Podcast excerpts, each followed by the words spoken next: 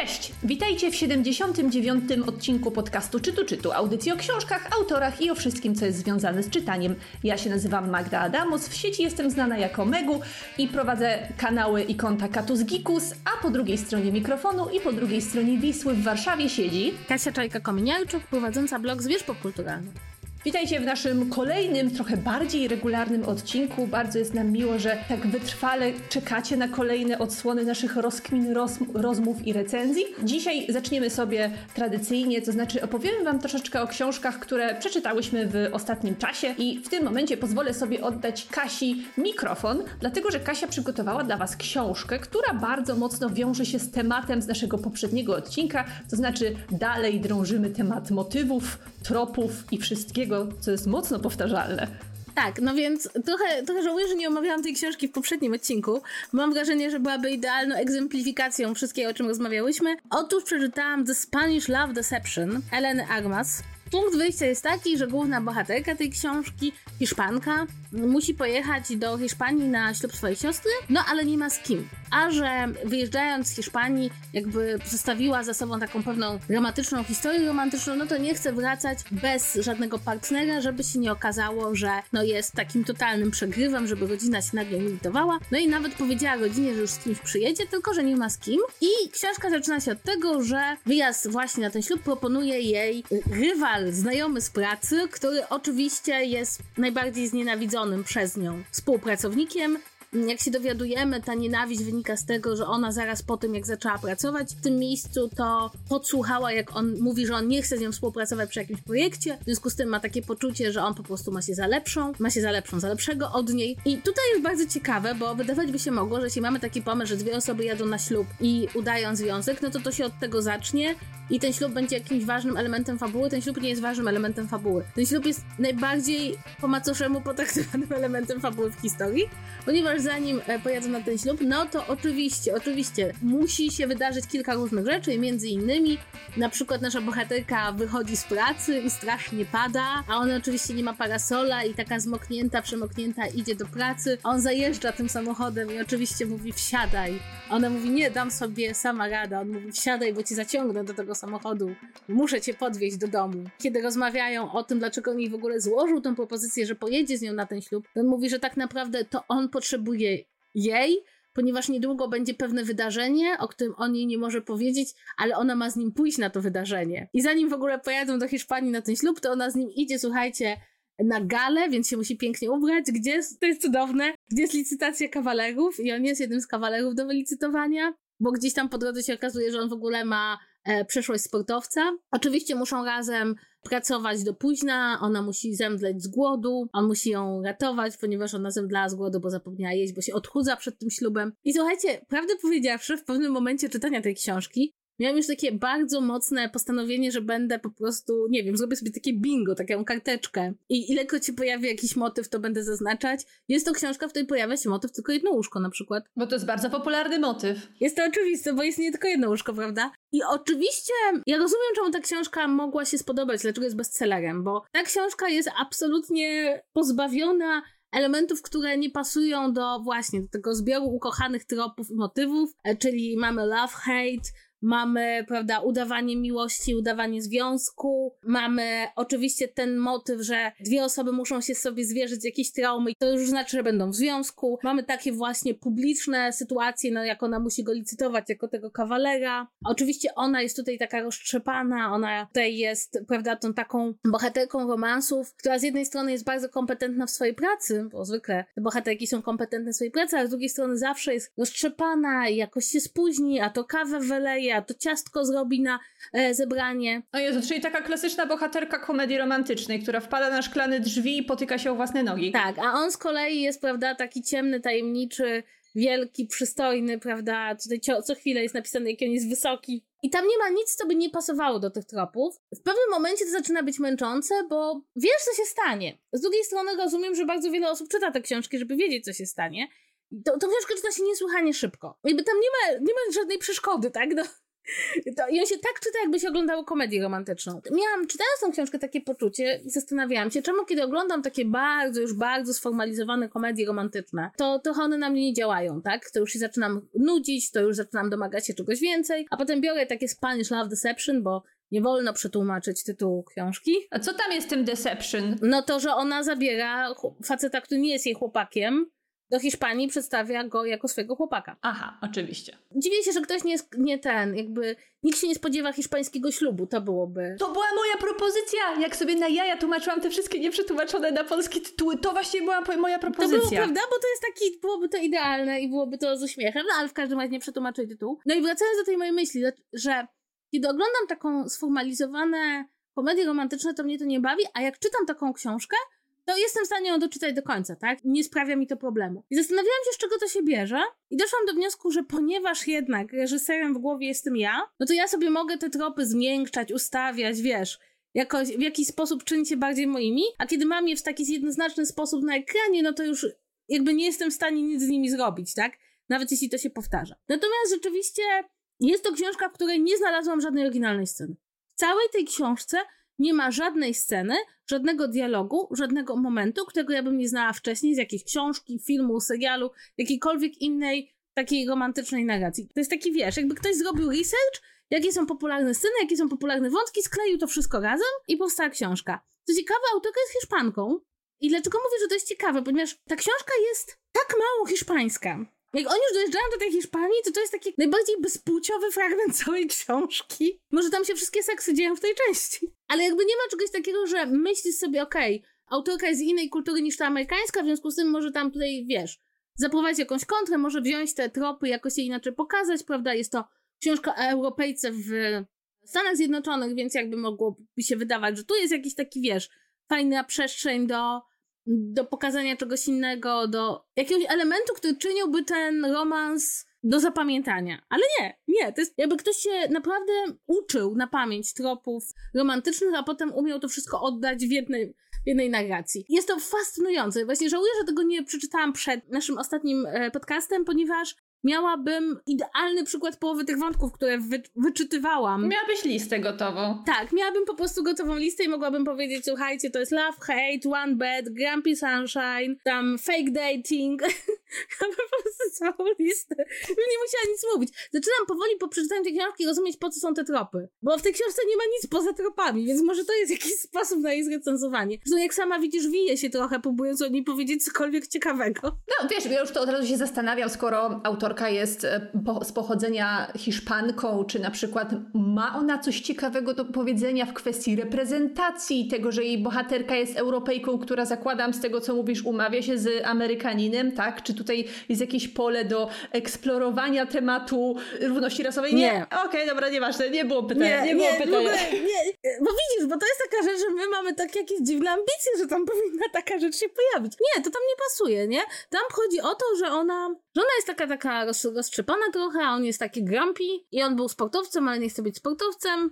I jakby autentycznie Każda scena tam już gdzieś była. Moja ukochana scena to jest jak pada i ona po prostu oczywiście jest w niedobrych butach, nie ma parasola, to jest najgorsza ulewa ever, on zajeżdża tym swoim samochodem, on tam nie chce wsiąść, on ją mówi, że on ją wsadzi, prawda, tutaj do tego samochodu i po prostu, prawda, bo on się nią musi zaopiekować, oni w sumie nie zamienili ze sobą więcej niż dwa zdania, a jednocześnie on jest dla niej naprawdę sympatyczny w pewnym momencie, jakby widać, że chłopak się stara, ona jest dla niego niemiła, bo to, to jest to, co ty mówiłaś, nie? Że czasem te książki chcą mieć to love-hate relationship, ale nie mają żadnego dobrego powodu, żeby bohaterowie się nie lubili. W związku z tym bohaterka jest dla bohatera irracjonalnie wredna, niemiła i nieprzyjemna i odpysk... znaczy nie odpyskowuje, ale mówi jakby nieprzyjemne rzeczy. Jedyna rzecz, która tutaj mnie w ogóle szokowała jest taka jedna scena, w której jest bohaterka jest zestawiona z jakimś po prostu niewyobrażalnym seksizmem w miejscu pracy i trochę to jest potraktowane na zasadzie, no to było niemiłe i się wydarzyło. Wiem, że wiele osób się spotyka z gorszym, ale to on jest taki wręcz przerysowany i masz takie, po co, jakby ta scena tak nie pasuje trochę do reszty, nie? Jakby, bo to chodzi o to, że ktoś ma urządzić przyjęcie i tam jakiś taki facet mówi, to, że to jasne, że ona urządzi to przyjęcie, bo to jest kobietą, nie? Kobiety urządzają przyjęcia. I wiesz, że on jest taki, tak bardzo, że jest niemalże karykaturalny. Żeby oddać e, sprawiedliwość TikTokowi jako tej platformie, o której bardzo często mówi się, że poleca słabe rzeczy, ja właśnie na TikToku, którego niby przebojem jest e, e, The Spanish Love Deception, widziałam mnóstwo krytyki pod kątem tej książki. Dużo osób właśnie pokazywało ją jako tą książkę, na którą zmarnowali czas i niech ktoś im odda te godziny, które spędzili czytając ją. Znaczy to nie jest dużo godzin. Ja tą książkę się niesłychanie szybko czyta. To muszę powiedzieć. Nie? Ja ją przeczytałam w jeden dzień, no bo to jakby tam nie ma, nie ma niczego, co... To człowiek by musiał odłożyć książkę, czy potrzebował jakiegoś oddechu, nie? To jest właśnie jak oglądanie, no nie wiem, no serialu romantycznego, który ma 6 odcinków. To jest jak oglądanie Emily w Paryżu, tylko to jest Hiszpanka w Nowym Jorku. W takim razie The Spanish Love Deception może posłużyć jako domknięcie naszego tematu troupizmu, tropów i motywów popularnych na TikToku. A tymczasem ja mam dla Was książkę, która powiedziałabym troszeczkę się temu wszystkiemu wymyka, ponieważ ja od jakiegoś czasu bawię się w czytanie arków, czyli Advanced Readers Copies, to znaczy ja dostaję przedpremierowo książki, które dopiero wyjdą po angielsku i Mogę przeczytać niektóre rzeczy przed wszystkimi innymi i w ten sposób wyrobić sobie opinię tylko na podstawie tekstu, nie zapoznając się z żadnymi innymi recenzjami. I właśnie dzisiaj mam dla Was tego rodzaju książkę. Jest to książka pod tytułem Lavender House, która wyjdzie dosłownie na dniach, ponieważ jej premiera po angielsku jest 18 października. I jest to queerowy kryminał rozgrywający się w latach 50. Ja tą książkę ostatecznie oceniłam jako niepełne cztery gwiazdki, ponieważ ma bardzo obiecujący pomysł i bardzo obiecujący początek, ale niekoniecznie dobrą realizację, zwłaszcza jeżeli chodzi tutaj o to pole kryminału. Ale o co tutaj chodzi? Bo kiedy się zaczyna słuchać o tym pomyśle, to na początku jest takie wow, ale super pomysł. I, i, i co z tym dalej będzie? Naszym głównym bohaterem w roku bodajże 52 czy 53 jest policjant, który dosłownie parę dni wcześniej został wyrzucony z policji. Dlaczego? Dlatego, że przyłapano go w gejowskim klubie z innym mężczyzną podczas jednego z wielu nalotów policji na tego rodzaju przybytki. Oczywiście zostaje natychmiast wyrzucony z pracy. Jego życie właściwie się w tym momencie kończy i gość, no co by tu dużo nie mówić, siedząc w barze, zapija swoje smutki i tak naprawdę kontempluje już na tym, na tym etapie samobójstwo. I w tym momencie dosiada się do niego kobieta, która znając jego przeszłość i wiedząc o jego obecnych problemach, proponuje mu pracę i chce go wynająć w charakterze detektywa, żeby rozwiązał sprawę śmierci i w tym momencie y, nowa bohaterka przedstawia to jako śmierci mojej żony, ponieważ okazuje się, że jest to partnerka kobiety, która kilka tygodni wcześniej y, zginęła, y, kobiety w średnim wieku, która jest właścicielką niesamowicie dobrze prosperującej firmy kosmetycznej produkującej mydła. Stąd ten tytuł książki Lavender House, ponieważ bohater zostaje zaproszony do domu swojej zleceniodawczyni, gdzie na miejscu okazuje się, że jest to dom zamieszkiwany przez samych queerowych bohaterów, którzy w tym świecie nieprzyjaznym osobom LGBT próbują sobie jako, jakoś ułożyć życie dzięki wpływom tej firmy i dzięki pieniądzom w ukryciu przed społeczeństwem, a, a, jednocześnie w taki sposób, żeby jakoś mogli funkcjonować sobie w ukryciu. I w skład tej rodziny, poza wdową po kobiecie, która prowadziła tą kosmetyczną firmę i zginęła w w tajemniczych okolicznościach, wchodzi ich syn, którego wychowywały wspólnie, chociaż tak naprawdę był biologicznym synem tej zmarłej kobiety, jego partner, który jest byłym tancerzem, młodym chłopakiem o równie tajemniczej przyszłości, którą odkrywamy w miarę poznawania dalszej części fabuły, jest tam udawana żona tego syna, która też mieszka w tym domu ze swoją partnerką, więc tam wszyscy budują wokół siebie taką fasadę, że niby są w oficjalnych związkach i wchodzą w nie po to, żeby zachowywać pozory i móc jakoś brylować w tym, w tym społeczeństwie i w tej społecznej socjecie, powiedzmy, bo oni tam się muszą obracać w kręgach bogaczy, żeby występować na stronach gazet i tak dalej, i tak dalej. A jednocześnie wszyscy w tym domu, poza matką tej e, synowej, powiedzmy, która tam jest dlatego, że córka się nad nią lituje i po prostu nie ma się gdzie podziać, wszyscy tam są reprezentantami społeczności LGBT LGBT. Głównie są to po prostu osoby biseksualne, e, lesbijki i geje. Również służba, czy tam kucharka, ogrodniczka, lokaj powiedzmy, tak to by się, tak to by się nazywało.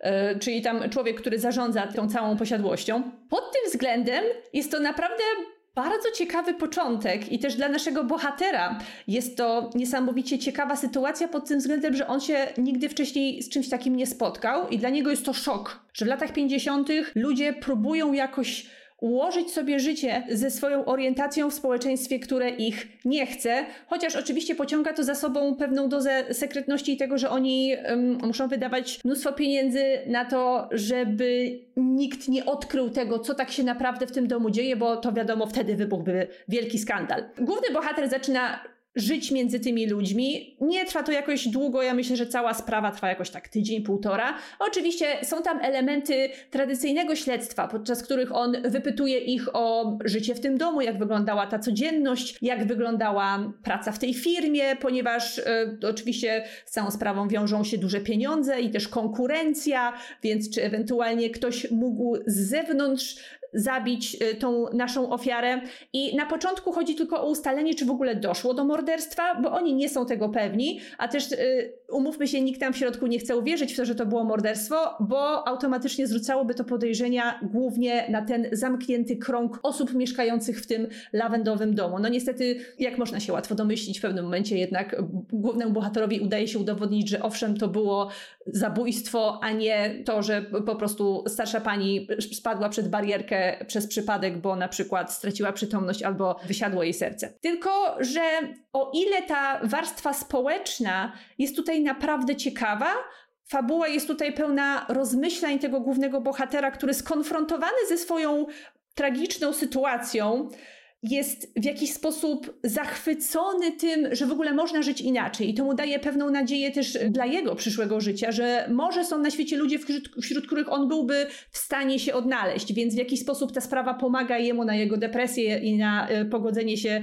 z tym, że już nie może być policjantem i musi znaleźć jakiś inny sposób na życie. I tam jest rzeczywiście bardzo dużo takich scen, że on rozmyśla na ten temat. Nie tylko w odniesieniu do swojego osobistego życia, ale też y, w kwestii tego, jak społeczność osób LGBT mogłaby sobie w przyszłości ułożyć to życie, gdyby społeczeństwo im na to pozwoliło. I yy, wiadomo, że on nie może swoich rozkmin odnieść na przykład do lepszej sytuacji osób LGBT w innym kraju, bo wtedy nie było nigdzie lepszej sytuacji dla osób LGBT, ale to są przemyślenia osoby, która po prostu dopiero odkryła w takim niemym zachwycie, że da się żyć inaczej i może on ze swoją tożsamością nie jest skazany na życie w nieszczęściu.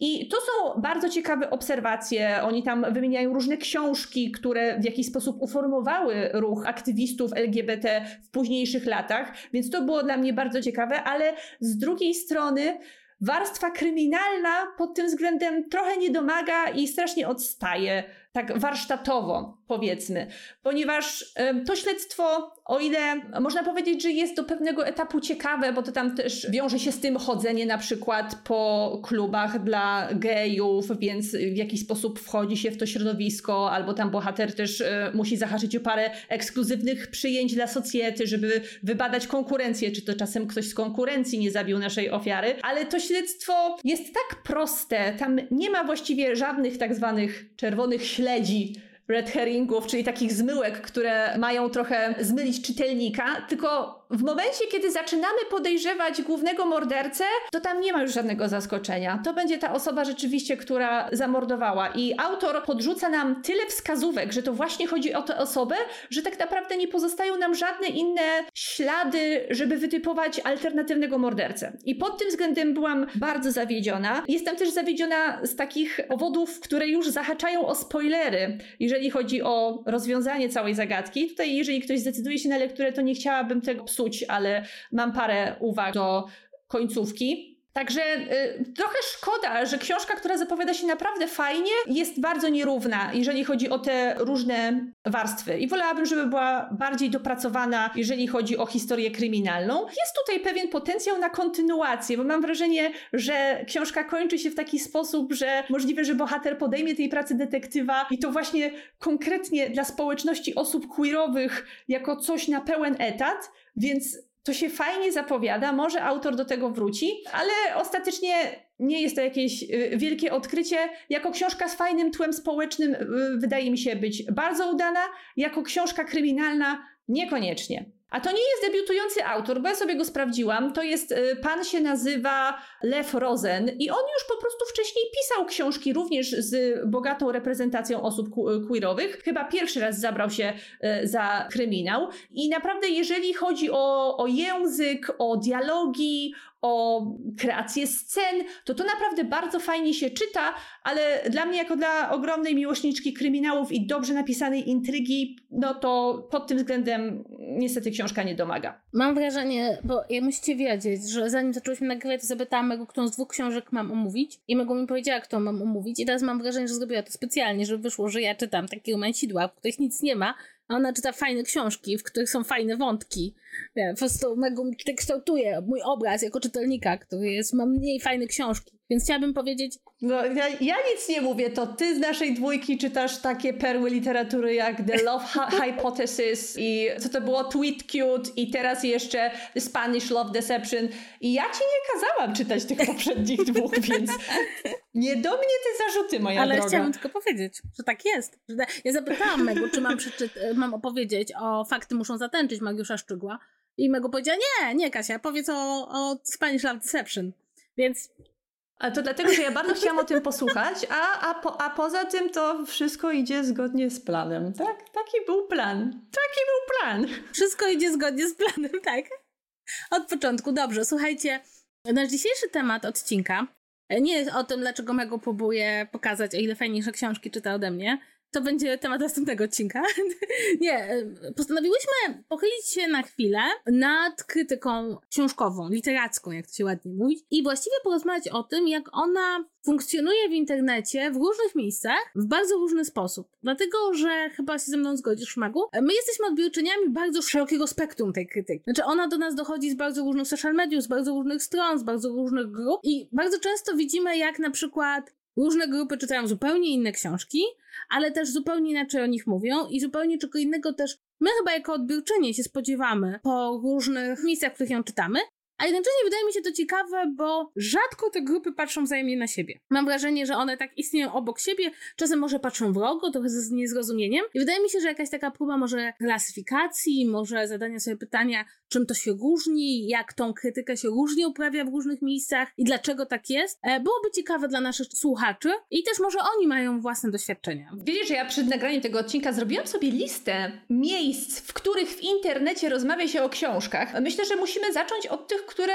gromadzą się wokół konkretnych social mediów, ponieważ nie bez powodu mamy konkretne nazwy dla przestrzeni książkowych na Facebooku, Instagramie, TikToku i tak dalej, właśnie związane z nazwami tych konkretnych platform społecznościowych. Więc mamy BookToka, mamy BookTuba, mamy Bookstagrama, mamy BookBooka? Czym jest Facebook? To jest dobre pytanie, ale w ogóle y, to też jest bardzo ciekawe, bo ja nie wiem, czy się ze mną zgodzisz, my jesteśmy z pokolenia BookTuba i Bookstagrama, gdzie jakby ta anglojęzyczna nazwa była oczywista. Dzisiaj pojawia się nazwa książkary. To jest nowe określenie, mam wrażenie. Mocno związane z tym kolejną falą, że się tak wyrażę, takiego czytelniczego zachwytu i takiego czytelniczego fandomu. Tak, e, książkary są najmocniej chyba związane z hashtagiem na Twitterze, ponieważ Twitter też ma swoją społeczność książkową tam jest hashtag twitterowe książkary, ale to określenie tak jakby wyszło trochę poza tego Twittera i rozpleniło się na inne social media, ale dotyczą bardziej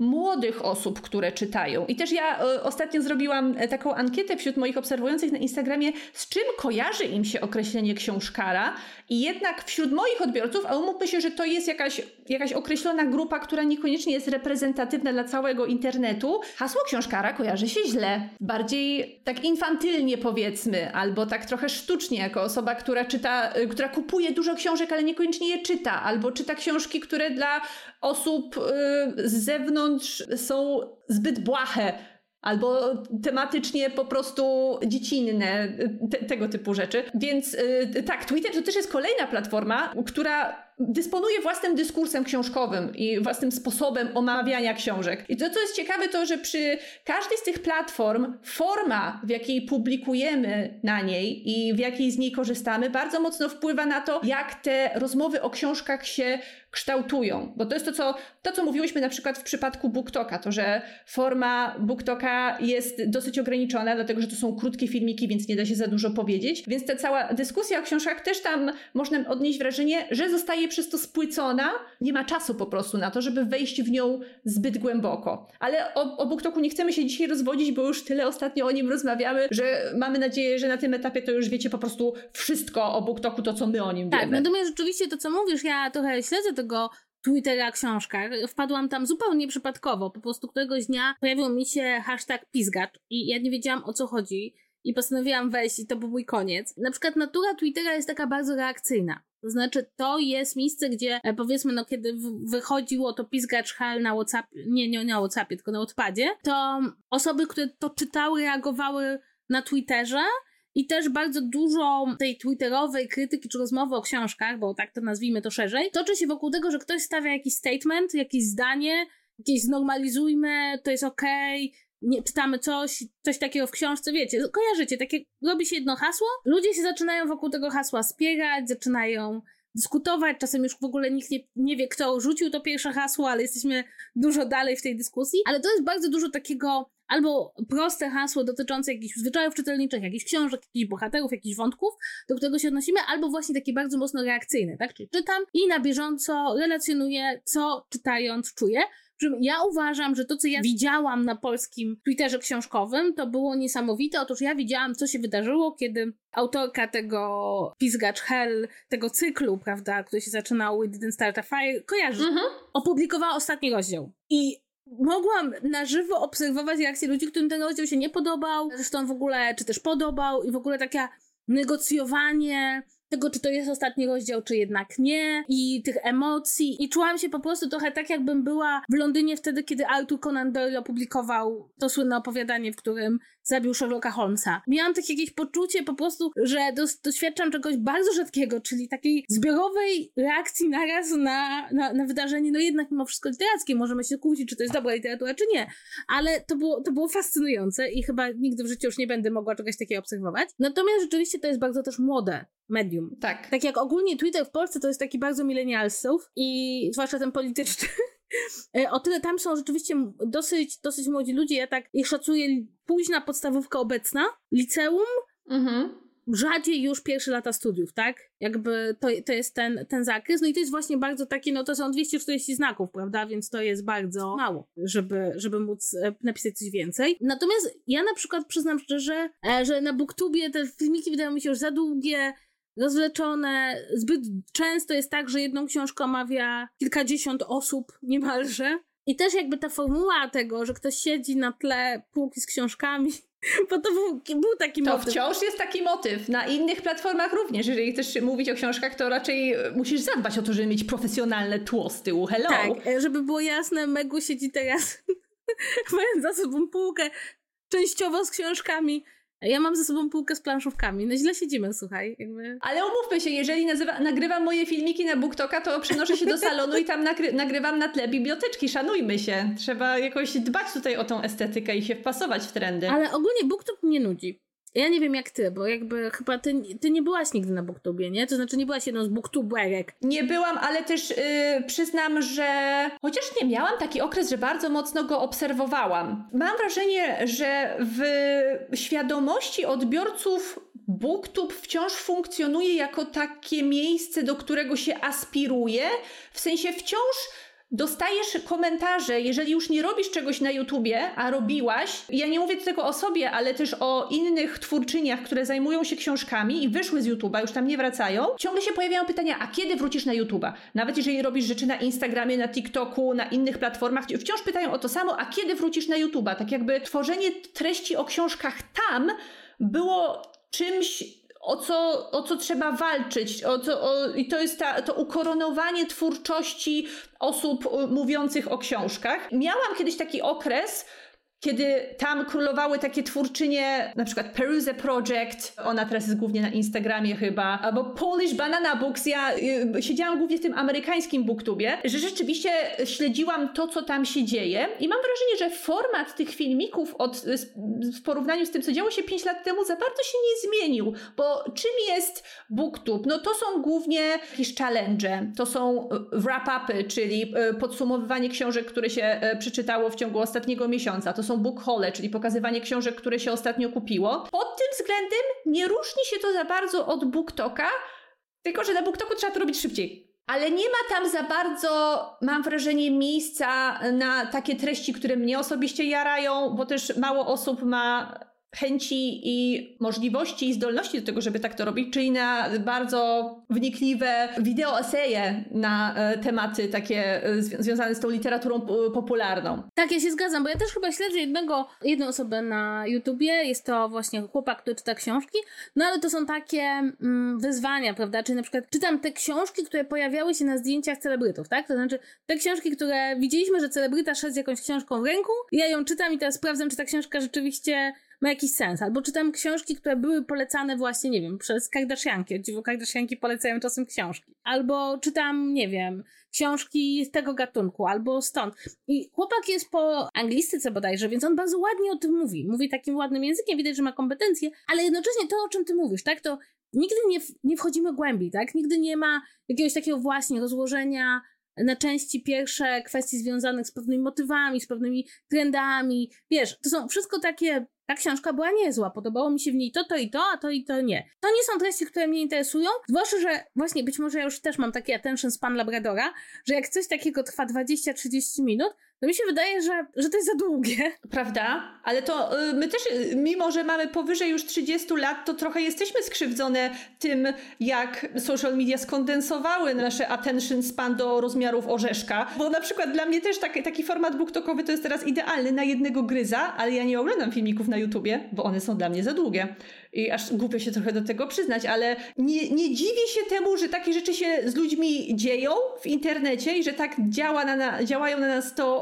ograniczenie wideoformatów i, i czasu ich trwania, bo sama jestem tego ofiarą. To trudno, tak, tak bywa, żyćko. No co, co, co, co poradzę? Od razu powiedzmy, bo to nie jest tak, że my nie jesteśmy w stanie obejrzeć żadnej dłuższej treści, czyli wysłuchać, tylko że właśnie to jest chyba też kwestia tego, że to są takie treści, że człowiek czuje, że można byłoby je szybciej, Natomiast, no nie wiem, jak jest godzinny filmik na YouTubie z analizą jakiegoś wątku w jakimś serialu, to ja go obejrzę. To jest tak, że już nie jestem w stanie się skoncentrować na tak długo, tylko jakby to, te treści mogę już jakby konsumować szybciej. Bardzo ciekawa rzecz moim zdaniem się stała z Instagramem, bo być może to jest tylko moja refleksja, ale Instagram w ogóle gdzieś uciekł w bok od czegoś, co moglibyśmy nazwać krytyką, czy nawet dyskusją i chyba stał się bardziej prezentacją. W ogóle Instagram skłania do prezentacji, tak? No jest to medium, które jest wciąż jeszcze oparte o zdjęcia. A opis pozwala tylko na 2200 znaków, więc nigdy się nie napisze wszystkiego, co się chce, co chce się napisać, chociaż to wciąż jest dużo jak na standardy social mediów. Tak, to jest dosyć sporo.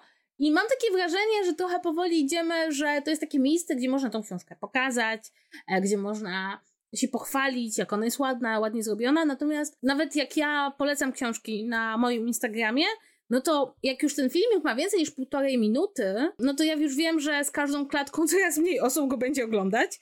Zdaję sobie sprawę, że to, mm, to jest bardzo śmieszne, bo czasem y, robię to w ramach współprac komercyjnych i wtedy dostaję feedback, Kasia, możesz powiedzieć to samo, tylko może nie przez 10 minut, bo ja się zawsze chcę, wiesz, mam to, ten, ten nawyk. No tak, wydawcy sami wiedzą, że oni chcą, żeby ich książki były sprzedane na, na czterech kafelkach, a, a nie na dziesięciu, bo tak. zdają sobie sprawę z tego, że yy, no, ludziom się szybko taki kontent nudzi. A ja, ja wiecie, ja jak usiądę i zaczynam nagrywać o książce, to wychodzi, wiesz, 10 minut wyjściowo. To ty powinnaś na booktubie właśnie Ja działać. powinnam siedzieć na booktubie, ale mnie to nudzi samo, więc jeśli mnie to samo nudzi, to jak to nudzi, nudzi ludzi z drugiej strony. Natomiast, no, rzeczywiście ładne zdjęcie książki, ładne pokazanie książki. To, co ty robisz, e, ten unboxing tych e, wspaniałych wydań. Tak, to jest moja nowa zajawka. Ja oglądam namiętnie, po prostu, wiesz, mam takie emocje, jak, jak to będzie wyglądać, nie? I nawet zdaję sobie sprawę, że czasem to nie są książki, które ja kiedykolwiek słyszałam, ale czy one będą ładne, czy, czy ten grzbiet będzie ładny, a co ci jeszcze wrzucili do tego pudełka? I mam wrażenie, że tutaj Instagram bardzo tą kulturę prezentacji książki e, mocno trzyma. Zresztą, co nie jest do końca złe, bo na przykład mi się zdarzyło kupić książkę, bo zobaczyłam ją na tak ładnym zdjęciu, że pomyślałam sobie, wow, jaka ładna książka. Jakby chcę, chcę ją przeczytać, chcę zobaczyć. I też jak patrzę na to, jak wygląda to w przypadku moich książek, bo mam tą niesamowitą możliwość, że mogę zobaczyć, jak Instagram działa, kiedy jest się autorem, ale to poza takimi recenzjami, które się czasem pojawiają po jakimś czasie i na przykład dzisiaj ktoś recenzował moje Oscary i wrzucił ich zdjęcie, na Instagrama, z czego jestem bardzo wdzięczna, bo to już książka ma swoje lata, to pierwsza fala po wyjściu książki to są piękne zdjęcia tej książki. Ja w życiu bym tak nie sfotografowała tej książki, jak ona jest sfotografowana na Instagramie. Ludzie, różni ludzie mają potem różne refleksje, ale te refleksje są w jakiejś takiej ramie, którą mogłabym powiedzieć jest mniej lub bardziej skonwencjonalizowana. Dużo się mówi o własnych uczuciach, bardzo dużo się mówi w takiej konwencji polecam, nie polecam, a wręcz częściej polecam niż nie polecam, bo to jest takie medium też no jak już masz zrobić zdjęcie książki, to nie po to, żeby napisać, że jest beznadziejna. Mm -hmm, to też jest bardzo mm -hmm. ciekawy mechanizm. Natomiast to, jak ona została zaprezentowana, to ja bym w życiu tak nie wymyśliła, że można zaprezentować moją książkę. Nawet kiedyś chyba po premierze, mam nadzieję, zrobiłam taką galerię u siebie na Instagramie, pokazującą, jak ładnie ludzie wymyślili, jak można zaprezentować moją książkę. I tak, i to, co właśnie mówiłam, że ponieważ Instagram wymaga takiego włożenia wysiłku, to poza rzadkimi przykładami jakiegoś takiego wycinania słabych fragmentów z książki w jakimś Instastory, Mam taką znajomą tatwę, która to robi po prostu. Czyta książkę i, i, i tylko wycina fragmenty, które jej się podobają, czy nie. To, te story potrafią mieć kilkadziesiąt fragmentów. Natomiast jeśli już masz zrobić zdjęcie ślicznej książki, to nie po to, żeby zrobić jej piękne zdjęcie i napisać w opisie Średnie. Książka była do dupy, Książka właśnie. była do dupy, tak, dziękuję. No.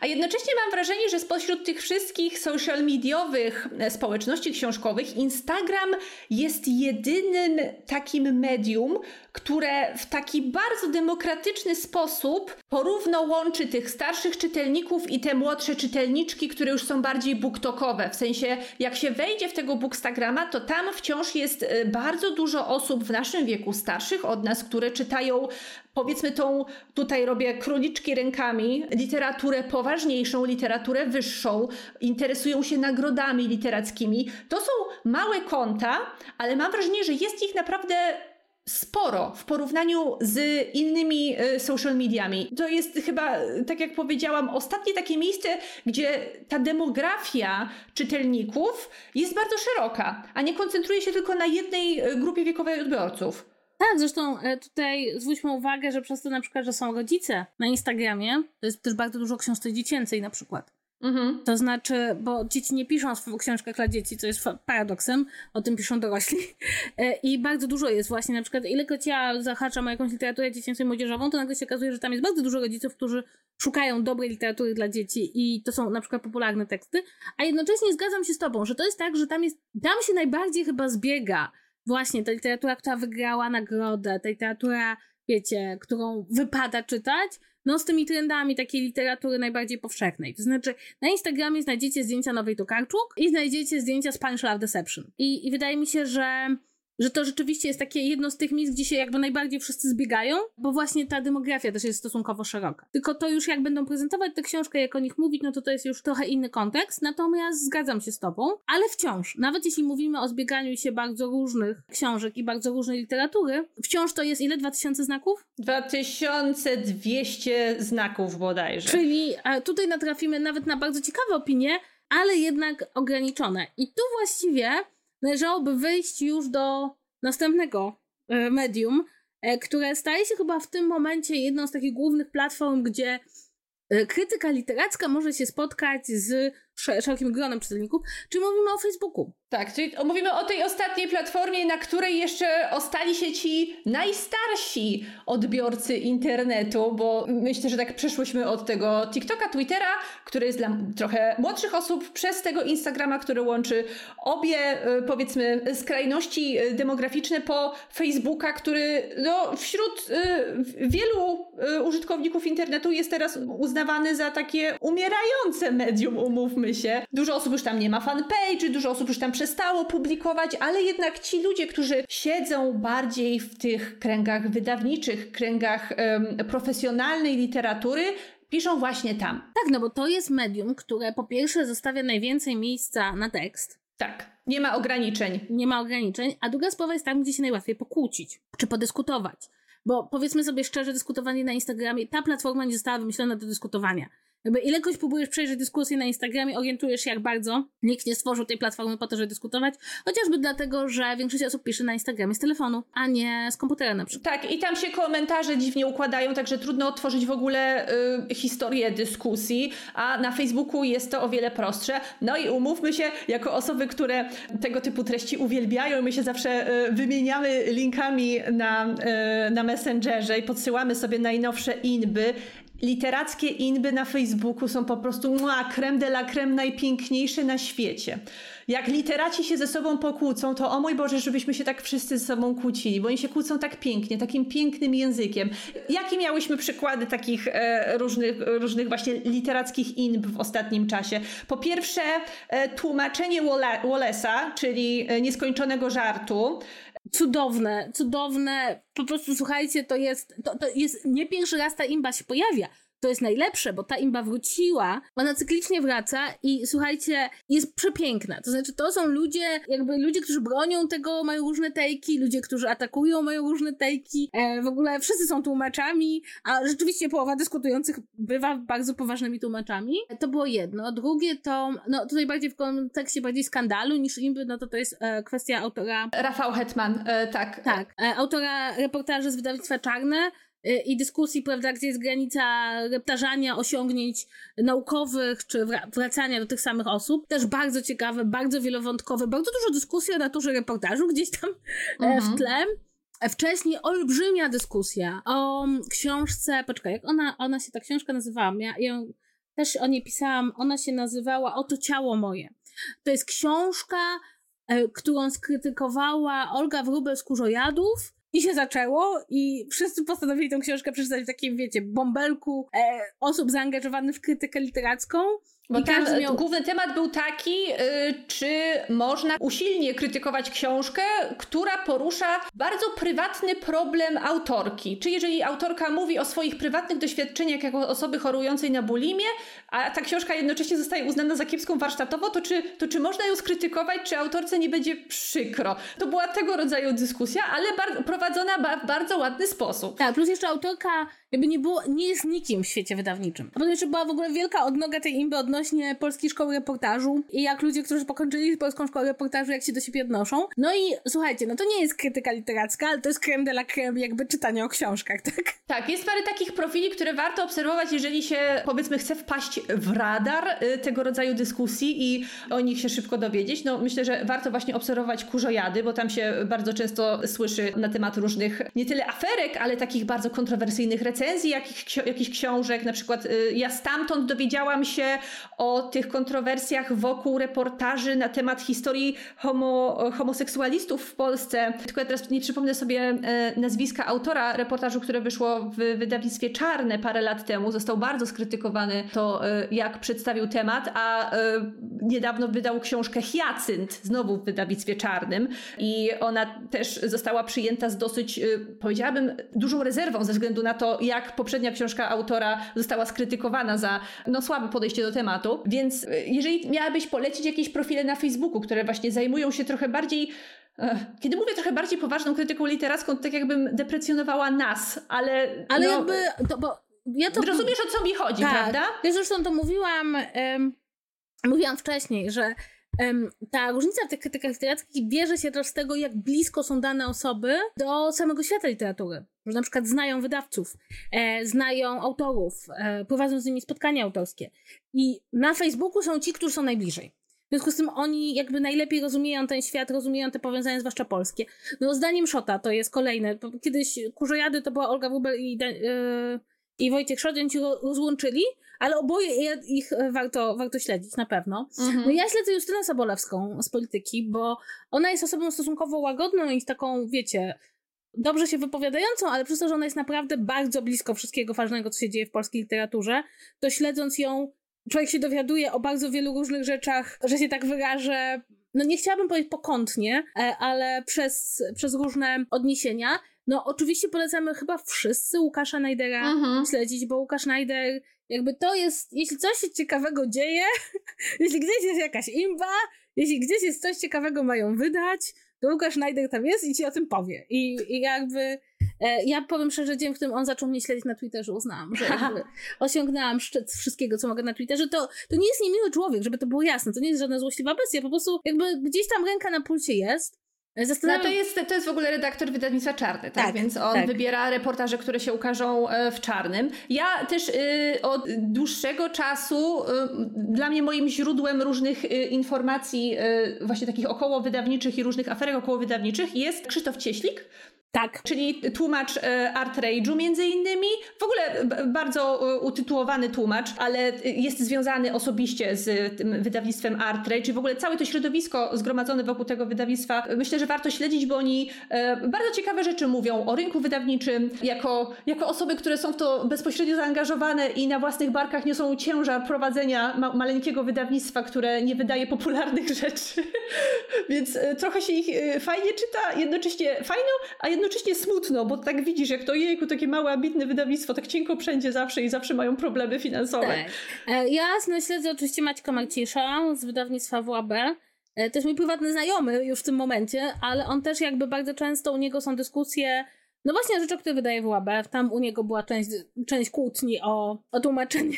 O tłumaczenie Wallace'a, tak. Ogólnie, wiecie, bo to jest trochę tak, że jak, jak zaczniesz śledzić kilka osób, to to są kręgi piekielne i one się coraz bardziej schodzą. No oczywiście zawsze warto śledzić już poza ludźmi konkretnymi. E, dwutygodnik. Dwutygodnik to jest, wydaje mi się, bardzo często źródło bardzo, bardzo ciekawych rozmów o literaturze i o książkach.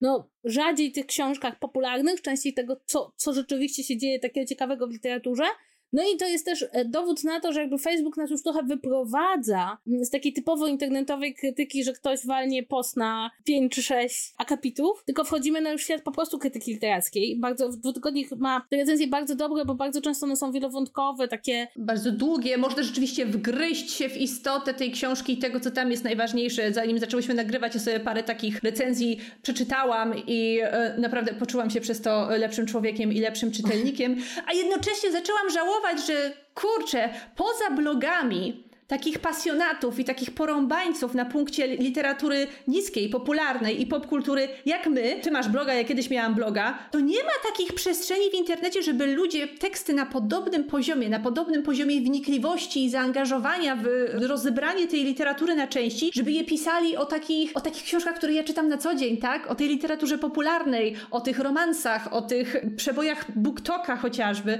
I strasznie żałuję, że właśnie mało jest ludzi, którzy, którym chce się w coś takiego bawić. Może oni się przenieśli właśnie na e, booktuby e, i na inne platformy, ale w tekstach nie ma takich miejsc. A to zresztą w ogóle, to a propos tego, co mówisz, i tutaj wydaje mi się, że to jest bardzo ciekawe, no bo słuchajcie, nie wiem, czy zwróciliście uwagę, myśmy zwróciły uwagę, bo musimy na to zwrócić uwagę, nie ma za bardzo podcastu sfery książkowej, mimo że teoretycznie podcasty, jak może słyszycie, dają doskonały punkt wyjścia do właśnie takiej dłuższej, pogłębionej dyskusji odnośnie, no właśnie już nie tylko samych książek, ale w ogóle świata literackiego. No jakby też rozmawianie o książkach, rozmawianie o tym jest bardzo naturalne, tak? W ogóle rozmawianie o kulturze jest czymś dosyć naturalnym. Lubimy się porozumiewać, e, jeśli chodzi o przeżycia kulturalne. Natomiast ja przyznam szczerze, nie za bardzo widzę jakby w ogóle widzę te podcasty o książkach. Wiem, że one są. Jest raport z literatury, który ja czasem słucham, ale on też zajmuje się właśnie bardziej obcowaniem z wydawcami i mówieniem o literaturze wysokiej. Ale może po prostu nie wgryzłyśmy się w temat, nie weszłyśmy w to za bardzo. Wydaje mi się, że są jeszcze inne e, podcasty. Ja nie mówię, że nie ma, nie, żeby było jasne, bo ja jestem daleko od stwierdzenia, że nie ma podcastów o książkach. Tylko, że one jakby nie istnieją bardzo jakby to powiedzieć, e, o, poczekajcie, no zobaczmy podcasty o książkach. Najpopularniejszy jest opowiadania erotyczne. Dlaczego mnie to nie dziwi? Lektury, edukacja wczesnoszkolna. Ale co ty sprawdzasz, Spotify? Tak. Cury lektury, no to jest taki ten. No patrzę, no ale uczenie Jezusa Biblia Audio. Ksio książkowe książkary. O, to brzmi jak coś, co warto sprawdzić. Książkowe książkary Bookstagramerki to robią i jest jeden odcinek. O, to, to ja, ale żeby mało. absolutnie było jasne, ja nie mówię, że jest coś, o poczekaj, jest szeptuszka, czytam polską poezję, czyli ktoś czyta poezję, nie? Czyli jakby, ja nie mówię, że nich nie ma i absolutnie szanuję wszystkich, którzy to robią, żeby było jasne, że tutaj wiesz, ale wydawać by się mogło, że patrząc na dosyć dużą popularność tych książek w różnych social mediach, to to się przejdzie do podcastów. A tymczasem o filmach jest sporo podcastów, o serialach jest sporo podcastów, o książkach wcale nie tak dużo. Czy podcasty są jakąś taką trudniejszą formą do realizacji? No, znasz nas. Czy to jest trudne do realizacji, co my teraz robimy? Nie, bardziej mi chodzi o to, że człowiek z ulicy może bardzo szybko się odbić od nagrywania podcastów, y, bo to jest jednak wymagające. Megu jest 2022 rok, wszyscy mają podcast. Wszyscy biali mężczyźni, okej, okay, ja wiem, ale próbuję, próbuję znaleźć wyjaśnienie, bo dla mnie na początku nagrywanie podcastów było trudne. Gdybym była taką nastoletnią książkarą i chciała opowiadać o książkach, o tym y, i chciałabym uderzać do tej demografii, która w tym momencie trzęsie tym rynkiem książkowym, tak, i korzysta z tych social mediów, mogłoby, mi, mogłoby być mi trudno, bo wiem, że ciężko jest się przełamać przed mikrofonem i, na, i nagrywać długie rzeczy, tak? tak? Podcast jest długi, podcast trwa z godzinę. Więc to nie jest takie proste. Znaczy, ja bym chciała powiedzieć, że ja mam podcast, który trwa do 15 minut i też ludzie tego słuchają. Ale jakby to nie chcę się tutaj kłócić, prawda? Tylko chcę zwrócić uwagę, nie? Bo jakby rozmawiamy o tym szerokim, szerokim planie i nagle sobie uświadomiłam, rozmawiając z tobą, że w sumie nie ma za bardzo podcastów o mhm. książkach. Nie no. mówię, że w ogóle, tylko że one się jakby nie przebiły, nie? Mhm. No dobrze, ale porozmawiałyśmy sobie o y, internecie, porozmawiałyśmy o różnych social mediach. Zostały nam też portale, które gromadzą recenzje. I mamy takie dwa główne, które się liczą. Na polskim rynku jest to Lubimy Czytać, a na e, rynku anglojęzycznym jest to Goodreads. Nie wiem, musiałybyśmy zacząć od pytania, czy rzeczywiście sugerujemy się tym, co jest na Goodreadsach napisane, albo na Lubimy Czytać, bo ja się przyznam, nie korzystam z Lubimy Czytać, ale bardzo często wchodzę na Goodreads i sprawdzam te recenzje, które są od samej góry. I to mi w jakiś sposób rzeczywiście pomaga zdecydować, czy chcę się za tą książkę brać, czy nie. Znaczy, ja przyznam szczerze, że ja jestem kompletnie odporna na jakiekolwiek ratingi, jakiekolwiek -hmm. tego mhm. typu agregatory opinii, czy to prywatnych, czy to profesjonalnych. Natomiast czasem, kiedy sama piszę o książce i myślę sobie, nie wiem, książka mi się super spodobała, ciekawe, czy jestem jedyna, jakby kiedy już mam swoją opinię o książce i sprawdzam inne, e, to wchodzę czasem na Lubimy Czytać. Nie wchodzę na Goodreads, wchodzę na Lubimy Czytać i rzecz, którą zauważyłam i wydaje mi się, że trochę może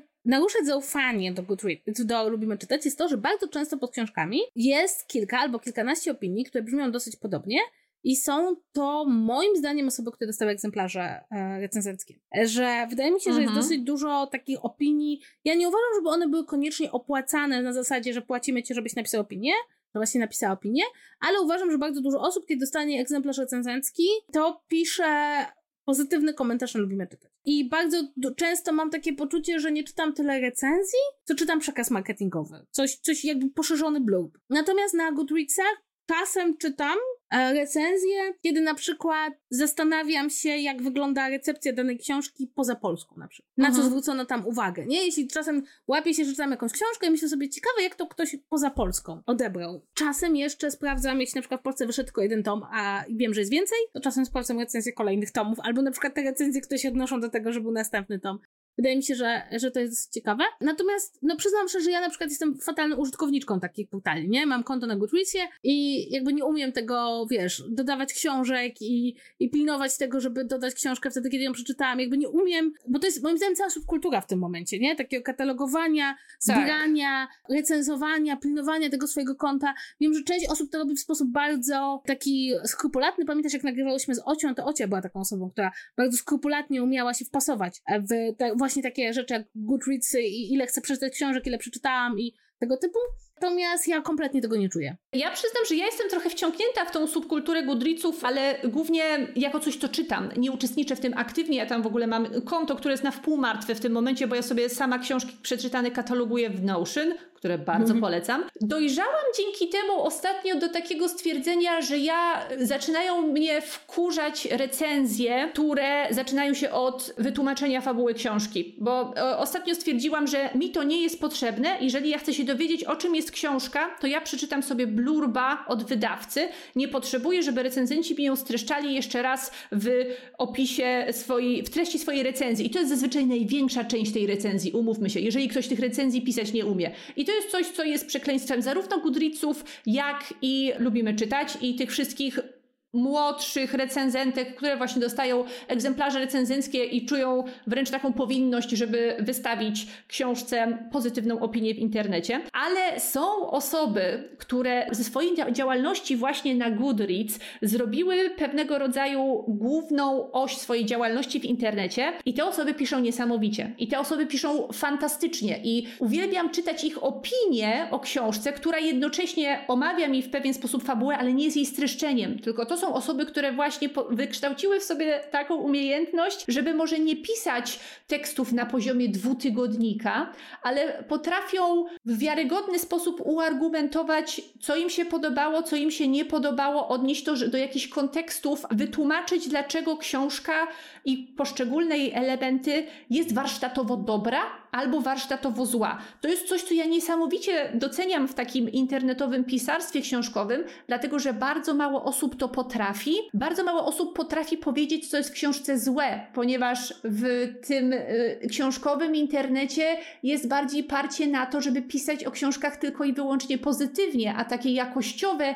negatywne recenzje mam wrażenie, że są rzadkością. Dlatego lubię czytać Olgę Skórzojadów, dlatego że jak ona pojedzie po książce, to wiem, że pojedzie po książce profesjonalnie i nawet jeżeli będzie to dobitna krytyka, taka y, borderline z byciem wrednym, to jest to bazowanie na konkrecie, to nie jest wzięte z powietrza, tylko ona potrafi mi punkt po punkcie wyjaśnić, dlaczego książka jest zła. I taka negatywna krytyka, mam wrażenie, że właśnie jest uprawiana na Facebooku i to jest taki relikt tej internetowej krytyki literackiej i czasami właśnie w komentarzach na Goodreadsach. No nie ukrywam, że w pewien sposób bardzo mi to zrobiło dzień, kiedy tego rodzaju analizy mogłam przeczytać na temat książki Alex Aster Lightlark, która była taka bardzo głośna jeszcze jakiś czas temu właśnie na e, TikToku i w social mediach, e, przez to jaka afera się wokół tej książki tworzyła.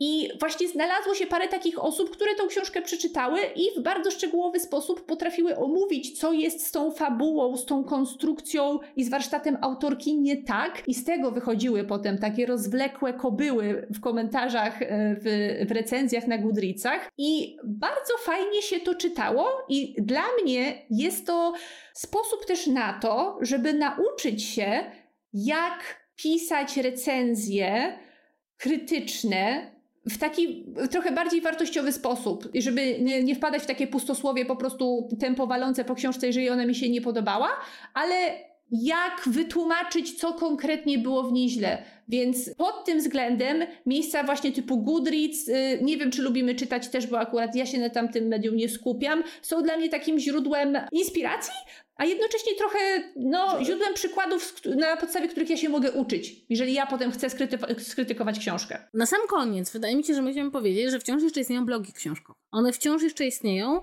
przy czym wydaje mi się, że obecnie, mówię to jako osoba, która jest, też prowadzi bloga, jakby ginący gatunek, obecnie e, nie ma bloga, który by istniał bez social mediów. W związku z tym jakby to jest trochę tak, że te blogi są w dużym stopniu powiązane też z tym, w jakim medium się prezentują i gdzie kto ma jaką popularność. Natomiast one istnieją, one są zwykle nastawione rzeczywiście bardziej na tą literaturę popularną, zdecydowanie. Natomiast, ponieważ w ogóle umierają komentarze na blogach, to jest w ogóle, to zjawisko umiera, no to miejsca, w których toczą się te dyskusje, w których jakby to najbardziej jeżeli to są social media. Czyli możesz mieć bloga, tak jak ja, ale jeśli na przykład ja napiszę tekst, nie wiem, długaś na jakiś temat recenzji książki, to jeśli będę miała o niej dyskusję, to ona będzie na Facebooku albo na Instagramie. Mhm. Natomiast nie będzie już na blogu. I w związku z tym wydaje mi się, że e, tutaj też powinniśmy to zaznaczyć, prawda, że trochę to, do czego, e, za czym tęsknimy być może jako to pokolenie, które jeszcze te blogi same, obie miałyśmy bloga, więc zakładałyśmy jeszcze blogi wtedy, kiedy to był bardzo popularne, no to te, te blogi zdecydowanie istnieją, ale nie wydaje mi się w tym momencie, żeby blog sam w sobie nadawał ton. Ton nadaje to, jak blog się prezentuje w danej medium społecznościowym, Mhm. nie da się już tego kompletnie oddzielić. I jeszcze tu na samym, samym, samym końcu chcę powiedzieć, że oczywiście zdajemy sobie sprawę, że krytyka literacka istnieje poza internetem, tak? Jest coś takiego jak papier, tak, I są magazyny książkowe. Tak. Są magazyny książkowe. Są magazyny książkowe, które moglibyśmy podzielić na zasadniczo na dwie kategorie. Te, których nikt nie czyta. I te, które czyta mało osób. Czego nikt nie czyta? Zeszyty literackie jeszcze istnieją? No tak, zeszytów literackich nowego napisu, to, no Topos jest bardziej, no też jest literacki. To są takie magazyny, czasopisma, kwartalniki, roczniki, półroczniki, które oczywiście czytają profesjonaliści, które są ważne, tam są istotne teksty, bardzo często w różnych tego typu, nie wiem, jak w miesięczniku Znak, czy jak w więziach na przykład powstają bardzo ważne teksty, bardzo istotne, które my potem czytamy, jak nam ktoś przyklei link do inter w internecie, e, ale jakby te czasopisma są konieczne, one muszą być na rynku, one są bardzo często dotowane przez państwa, choć nie wszystkie, Natomiast nie wchodzisz do, księgar do księgarni, no, do e, Empiku czy do kiosku myśląc, a, prawda, czy wyszły nowe zeszyty literackie? One są w ogóle w Empiku? Tak, nie, Empik ma dosyć, dosyć duży Kwartalnik filmowy jest w Empiku. Natomiast wydaje mi się, że w tym momencie mamy trzy takie luźniejsze czasopisma. Książki, magazyn do czytania. Tak, nowe książki. I wydaje mi się, że wciąż jeszcze wychodzi pocisk, ale może mi się nie wydawać, bo takie czasopismo... I w tym momencie cieszę się, że prowadzimy ten podcast razem, ponieważ ja nie mam zielonego pojęcia, czym są te dwa pozostałe tytuły. Czy pocisk to magazyn, w którym cisną po książkach? To było piękne. Chciałabym taki. On dotyczy kryminałów. Pocisk jest kryminalny, ale nie pamiętam, czy on wychodzi. Wydaje mi się, że jeszcze wychodzi. Przez pewien czas wychodził jeszcze taki który był, bardzo próbował przenieść internet, to on się chyba fanbook nazywał, przenieść internetowe czytanie na magazyn, ale chyba przestał wychodzić. O mój Boże, wydawcy prasy są tacy zdesperowani. Nowe książki wychodzą od bardzo dawna. To takie bardzo tradycyjne czasopismo, no krytyczno-literackie, czyli zawiera w sobie recenzje książek, e, zawiera zwykle wywiady z autorami, jakąś, jakiś temat numeru, zawiera także cały dział zapowiedzi książkowych. Ja przyznam szczerze, że ja bardzo wiernie czytałam nowe książki przez lata. I to głównie dlatego, że było to czasopismo, które mnie intrygowało, także dlatego, że papier, na którym było wydawane śmierdział. Nie rozumiem dlaczego, ale autentycznie. Był tak, tak dziwny zapach te, te, te czasopismo. Natomiast nowe książki po prostu były takim czasopismem, gdzie były recenzje, one to recenzują tam wszystko, od książek naukowych, przez książki popularne, powieści, jakby mm, słowniki, literaturę dziecięcą. Jakiś czas temu nowe książki skręciły na prawo, jeśli chodzi o autorów, których eksponują na okładkach i wtedy trochę moja miłość do nowych książek została naruszona, bo jednak e, są pewne osoby, które reprezentowane na okładce mnie straszają. Natomiast to jest taki naprawdę taki porządny czasopismo. Ja tam kiedyś raz jedną recenzję napisałam, ja zostałam przez nowe książki poproszona, więc to też było dla mnie takie trochę nobilitujące. I ono jest bardzo takie proste w wizualnie, tak? Tam nie ma kolorków. To jest czarno-białe czasopismo, wychodzące co miesiąc, to jest miesięcznik. Zresztą pamiętam, zawsze pytałam, czy są nowe, nowe książki. Bardzo mi to bawiło zawsze, nowe, nowe książki. Pismo, pismo. Pismo, pismo. I one wychodzą, nowe książki wychodzą od bardzo dawna. Bywały, nie wiem czy dalej są, bardzo błyskotliwe recenzje, bardzo dobrze napisane. I też takich książek, których nikt inny nie zrecenzuje. Ja przyznam, że nowe książki przeglądałam bardzo często na zasadzie, co wyszło, co przegapiłam i co mogłabym przeczytać. Bo jednak mimo wszystko to jest pewien cel. No i są książki magazyn do czytania, czyli magazyn Agory. To jest kwartalnik, prawda? On wychodzi cztery razy do roku. Ostatni numer wyszedł bodajże pod koniec sierpnia. Tak, z Kopernikiem na okładce. I to jest bardzo dziwne czasopismo. Wydaje mi się, że można byłoby mu poświęcić cały odcinek, bo ono przechodzi różne przemiany. W pewnym momencie większość książek, które tam omawiane były anglojęzyczne i nie miały na przykład polskiego wydania. Wiem, że na samym początku, jak wy zaczęły wychodzić książki, strasznie potem pojechałam w internecie.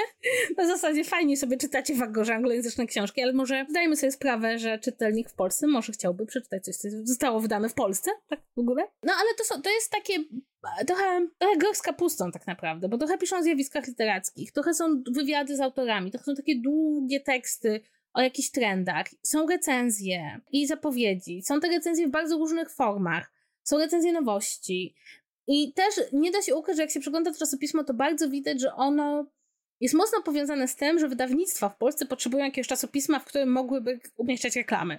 Ja przynajmniej mam takie wrażenie, że, że to jest taka symbioza między wydawnictwami. Ale powiedz mi, jeżeli chodzi o segment literatury, którym zajmuje się to czasopismo, czy oni zniżają się do, powiedzmy, do mojego poziomu osoby... Książki? Magazyn do czytania? Tak, bo nie znam się na nim. Też ja prze, właśnie próbowałam przejrzeć te, ten ostatni numer i na, na stronie internetowej nie dało się zajrzeć do recenzji żadnych więc nie wiem, jakie książki oni tam recenzują. Widziałam tylko te długie teksty, które tam y, zostały opublikowane. Czasem jest, nie znaczy mi się wydaje, że to jest, no możemy powiedzieć, że to jest dla takiego stereotypowego czytelnika wyborczy, czyli prawda, e, będzie więcej to Karczuk niż Pizgacz Hell.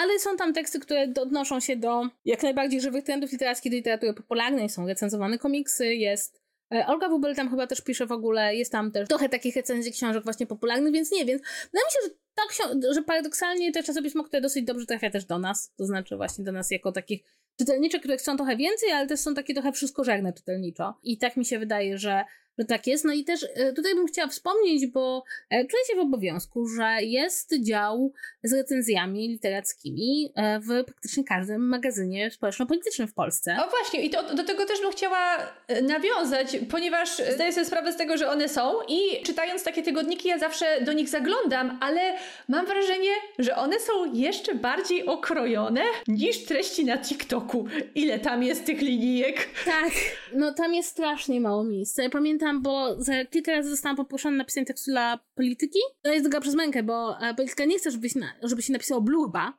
tylko żeby się napisało jednak jakiś tekst, ale ja chyba nie pamiętam 500 słów, tak, jakby tak mało miejsca, że... No to jest króciusieńkie, że trudno cokolwiek powiedzieć o książce, więc to jest wyzwanie. Przy czym ten tak zwany afisz w polityce jest bardzo mały, ale jeśli na przykład zobaczycie, jeśli wejdziecie na stronę polityki i wpiszecie Justyna Sobolewska, to zobaczycie, że ona pisze takie duże teksty o literaturze, które są w dziale kultura po prostu, poza tym afiszem, nie są recenzjami, no ale chociażby ona przeczytała Pizgacz Hell, tak?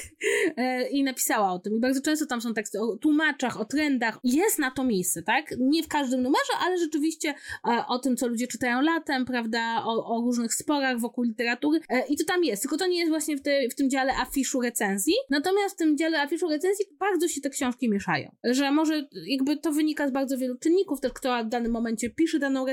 No ale nie wiem, jak jest nowy Stephen King, to prawdopodobnie będzie jego recenzja w polityce. Natomiast, no nie wiem, no każdy czasopismo ma takiego e, dział, no i na przykład moja książka o serialach została zrecenzowana w dziale recenzji Gościa Niedzielnego. To chyba to prze przegapiłam. Czy została pobłogosławiona? Czy katolicy mogą czytać swoją książkę? E, to było niesamowite, ponieważ ktoś mi, jakby ja przeglądałam Gościa Niedzielnego, bo musiałam to robić w pracy i nagle otwieram, a tam jest moja recenzja mojej książki. Do połowy jest to recenzja mojej książki, do połowy jest to narzekanie, że wszędzie są reprezentacje mniejszości i poprawność polityczna. Raczej dobra to była recenzja, znaczy zaskakująco dobra, jak na to, że ukazała się w gościu niedzielnym. Ale to też pokazuje, tak, że ta, taka jakby uprawiana w jakiejś tam mikroskali, no bo rzeczywiście to są mikroteksty, krytyka literacka istnieje w, w każdym czasopiśmie społeczno-politycznym praktycznie, tak? Newsweek też ma swój afisz. Przy czym tutaj powiem od razu z boku, no nie znam dokładnych e, dealów, no ale to jest bardzo często współpraca komercyjna. Nieoznaczona współpraca tak, komercyjna. Tak, tutaj wracamy do ostatnio e, gorącego tematu wśród e, influencerów, również tych książkowych wcześniej, bo, bo ponieważ okazuje się, że my musimy wszystkie współpracę oznaczać, a tradycyjna prasa, która też dostaje egzemplarze recenzenckie i na ich podstawie pisze recenzję, nie musi współpracy oznaczać, więc jest to bardzo, bardzo sprawiedliwe. Nawet nie chodzi o egzemplarze recenzenckie, nam kasę dostają, jakby, jakby powiedzmy, powiedzmy wprost. No ale, ale jakby ja nie zakładam, że każda z tych recenzji taka jest, nie chciałabym, żebyście wyszli z takim wnioskiem, bo rzeczywiście to jest bardzo ciekawe, bo wciąż jest do jakiegoś stopnia szczytem nobilitacji być kimś, kto pisze o książkach papierze jaki ten papier by nie był, tak? Znaczy, jak dostają się twoje teksty o książkach do papieru, to to jest w jakiś sposób już ten ostatni krąg wtajemniczenia, e, niezależnie od tego, jak bardzo cenione są twoje teksty w internecie. I to jest jeszcze chyba się trzyma trochę, nie? To znaczy, wydaje mi się, że to powoli może się będzie kończyć, ale wciąż jednak, prawda, ta pozycja e, krytyka literackiego, który ma związek z jakimiś wydawnictwami papierowymi jest bardzo wysoka. Rozmawiasz z osobą, która nie czyta literackiej prasy i y, czyta głównie, powiedzmy, literaturę niższą i to w tym kręgu bardziej się odnajduje, więc dla mnie to jest y, żadna nobilitacja. No, jak mój tekst się ukazał w internecie na stronie krytyki politycznej, to się posikałam ze szczęścia, więc... Ale to bardzo ważnie. Czytajcie tekst magów w krytyce politycznej, to też jest nobilitacja. O, w krytyce politycznej są teksty, ale to jest też prawda, w krytyce politycznej też są bardzo ciekawe imbo książki. Między innymi moje. Znaczy mój, mój tekst tam inby nie wywołał, ale starałam się bardzo. Są tam imby o książki. Słuchajcie, jak widzicie, znaczy wydaje mi się, że to jest o tyle ciekawe, bo to jest jakiś odpływ tego w ogóle, jak się dzielą czytelnicy i w ogóle tego, jak się dzieli pod, podchodzenie do czytelnictwa jako takiego, bo wydaje mi się, że kiedy rozmawiamy o czytaniu książek i rozmawia o tym osoba, która nie wiem, czyta właśnie recenzję tygodnika, i osoba, która śledzi książkary na Twitterze, to mimo, że obie te osoby czytają książki, są w zupełnie innych światach. No bo każdy szuka też czegoś innego w tych internetowych społecznościach i inne rzeczy chce czytać. Ja chyba najbardziej odnajduję się w tych komentarzach na Goodreadsach, bo to właśnie z nich wynikają później różne aferki wokół książek, tych bardziej popularnych, podczas gdy afery związane z literaturą wysoką toczą się na łamach dwutygodnika albo y, na facebookowych profilach tych bardziej zaangażowanych krytyków, to moje inby o różne braki w reprezentacji, że tutaj jakiś autor komuś tam y, kogoś zaczepił na Twitterze, to się wszystko dzieje w komentarzach na Goodreadsach, dlatego dla mnie to jest moja przestrzeń internetowa. Tak, i tutaj chyba w ogóle już tak powoli kończąc, warto dodać do tego, że na przykład w Polsce takie, że pisarze są na Facebooku. W związku z tym czasem dochodzimy do tego, że te imby są tak naprawdę imbami, w których biorą pisarze. Są bardzo blisko samego centrum, tak? E, czy to centrum jakby kulturalnego życia kraju, czy to też bardzo blisko kwestii związanych z rynkiem wydawniczym, i nie wiem, twardok się naparza z Denelem, Szczerek się wyśmiewa z okraski. Rozumiecie o co chodzi? Jakby jesteśmy bardzo blisko tego kulturowego centrum, tej takiej literackiej elity. Ja robię e, cudzysłów e, palcami, żebyśmy się nie wszyscy źle nie poczuli. Natomiast to jest 6 stopni oddalenia, rzekłabym, tak? To znaczy te imby, które są na Goodreadsach, one są, wydaje mi się, bardziej imbami, których biorą udział odbiorcy literatury, tak? A, wiesz co, niekoniecznie. Czy, czyli tam też wchodzą pisarze na pełnej?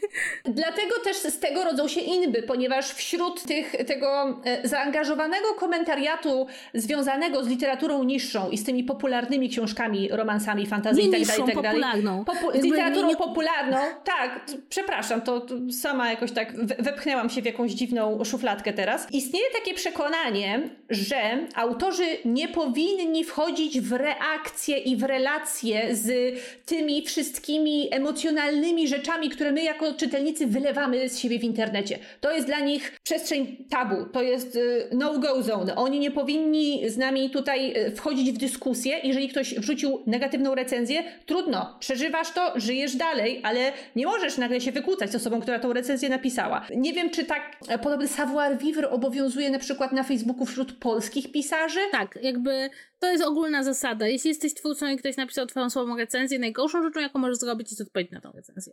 Natomiast to nie zmienia faktu, że oni się między sobą strasznie kłócą cudze książki. E, bo to wiesz, to oni jakby.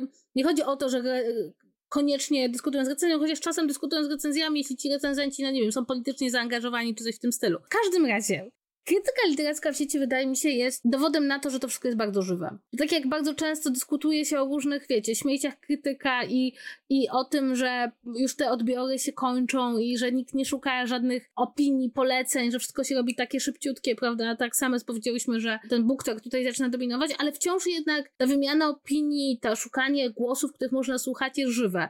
I to jest naprawdę bardzo żywe. Tam, tam my się śmiejemy imba za imbą, ale to znaczy tam są emocje. Tak, y, jednocześnie jest to żywe, ale nie ukrywajmy, że trzeba trochę się naszukać i trzeba trochę pogrzebać, żeby znaleźć w tym wartościowy kontent, a nie kolejną recenzję, która będzie przeklejeniem um, blurba na Instagramie, tak. prawda? Więc jest ciekawy kontent w różnych mediach społecznościowych dotyczący książek. Da się to znaleźć, ale trzeba się troszeczkę przy tym namęczyć. Możecie skorzystać na przykład z naszych poleceń i wyszukać sobie nazwiska, które my tutaj wymieniałyśmy teraz w naszej rozmowie. I yy, będziemy, zmierzając już do końca naszego dzisiejszego tematu. Może nasze sugestie i nasza dyskusja pozwolą Wam zgłębić takie przestrzenie książkowe, w których dotychczas nie byliście obecni, chcielibyście na przykład sprawdzić, co się pisze na e, profilach literatów na Facebooku, chcielibyście wejść w komentarze jakichś bardziej znanych książek na Goodreadsach, albo sięgnąć po jakąś literacką krytykę na papierze. No ja szczególnie polecam dwutygodnik dla tych, którzy chcieliby sięgnąć po coś e, poważniejszego i dłuższego, a niekoniecznie wiedzą, gdzie szukać, bo myślę, że to jest takie fajne miejsce, od którego można zacząć i tam te teksty rzeczywiście są jakościowo Mua, bardzo dobre, okejkę dajemy. Tak, i słuchajcie, też jeśli wy macie takie miejsca, w których wy znajdujecie to, o czym my teraz tu mówimy, czy macie jakieś przemyślenia, to bardzo jesteśmy ciekawe też, co wy myślicie, no bo to też takie trochę na zasadzie, a co, czego wy czytacie, a co wy słuchacie, bo też chcemy same sobie jeszcze te pola obserwacji chyba poszerzyć, bo jak, jak może usłyszycie, my to lubimy, tak? czytanie tak. książek jest fajne, ale czytanie, jak ludzie się kłócą o książkach, miodzio. E, I to tak, zgadzam się z tobą zdecydowanie, że możecie pójść za naszymi poleceniami, może wy co, coś polecicie. I co? I to chyba będzie tyle w tym tygodniu. Tak, dziękujemy Wam bardzo za uwagę. Mamy nadzieję, że tym kolejnym, regularnym odcinkiem sprawiłyśmy Wam ogromną przyjemność i w takim razie usłyszymy się następnym razem. pa! Pa, pa!